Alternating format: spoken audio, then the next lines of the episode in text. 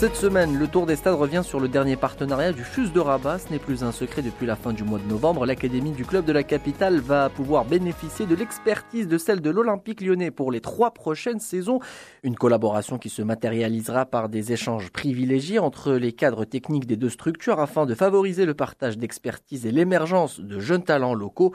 Pour nous parler de cette aubaine pour le champion du Maroc version 2016, Hamza El le président du FUS de Rabat, il est notre invité de ce tour des stades. L'objectif pour nous, c'est premièrement des échanges de compétences. vous savez, le plus gros problème qu'on a au niveau du Maroc, et ça tous les présidents qui ont des, centres de formation vous le diront, ils vont vous, affirmer que notre problème essentiel, c'est que nous avons très très peu de formateurs. Les formateurs des équipes de jeunes, on n'en trouve presque pas. Il y en a très très peu. Il faudra à un moment donné pratiquement former des formateurs. C'est ce qui nous arrive nous au niveau de l'académie du FUS. Vous savez, l'académie du FUS, c'est à peu près une soixantaine de jeunes qui sont en sport-études externalisés, c'est-à-dire qui sont chez nous, font leurs études à l'extérieur, mais qui passent euh, grande partie de leur temps dans, dans notre centre et qui s'entraînent deux fois par jour et que par rapport à, ces différentes catégories qui vont de 12 ans à 18 ans, donc des U15 jusqu'au jusqu'à des U19, on trouve très rarement des formateurs de, bonne qualité. Et donc de ce fait-là, ce partenariat va nous permettre des échanges en termes de formateurs et surtout former correctement nos formateurs sur de bonnes bases. Donc ça, c'est le premier gain pour nous. Deuxième gain, c'est de permettre à travers ce partenariat à nos jeunes joueurs de trouver des terrains de jeu où ils peuvent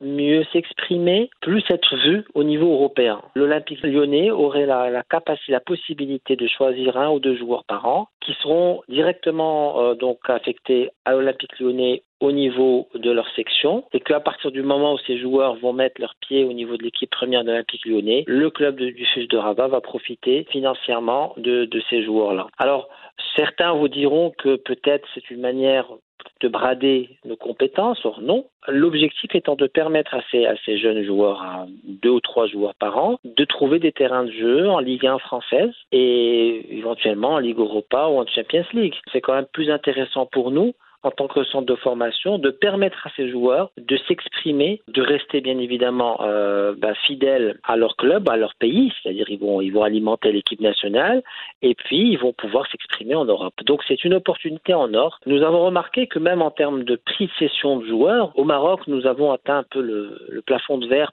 pour des joueurs qui vont en Europe. Hein. Vous savez, nous avons eu des joueurs qui ont, qui ont été formés au club, tels que Neif Aglet, Bad Road, qui sont respectivement à Dijon en France et Malaga en Espagne, et que, enfin, on n'a pas dépassé des, des sommes énormes qu'on entend de par ailleurs, parce qu'effectivement, le terrain de jeu reste le championnat national, et puis auquel cas, là, la Coupe de la CAF ou la Champions League. Ce partenariat permettrait à nos joueurs, à nos jeunes joueurs qui ont moins de 19 ans, de pouvoir s'exprimer et s'exporter correctement dans un centre qui va lui permettre, ce centre-là va va, leur permettre de, de positivement. Enfin, euh, dernière question, Monsieur Hamzal Jouy, c'est un partenariat qui se marie parfaitement avec euh, la politique du FUS de Rabat, qui est de miser essentiellement sur son centre de formation et sur la qualité de ses jeunes.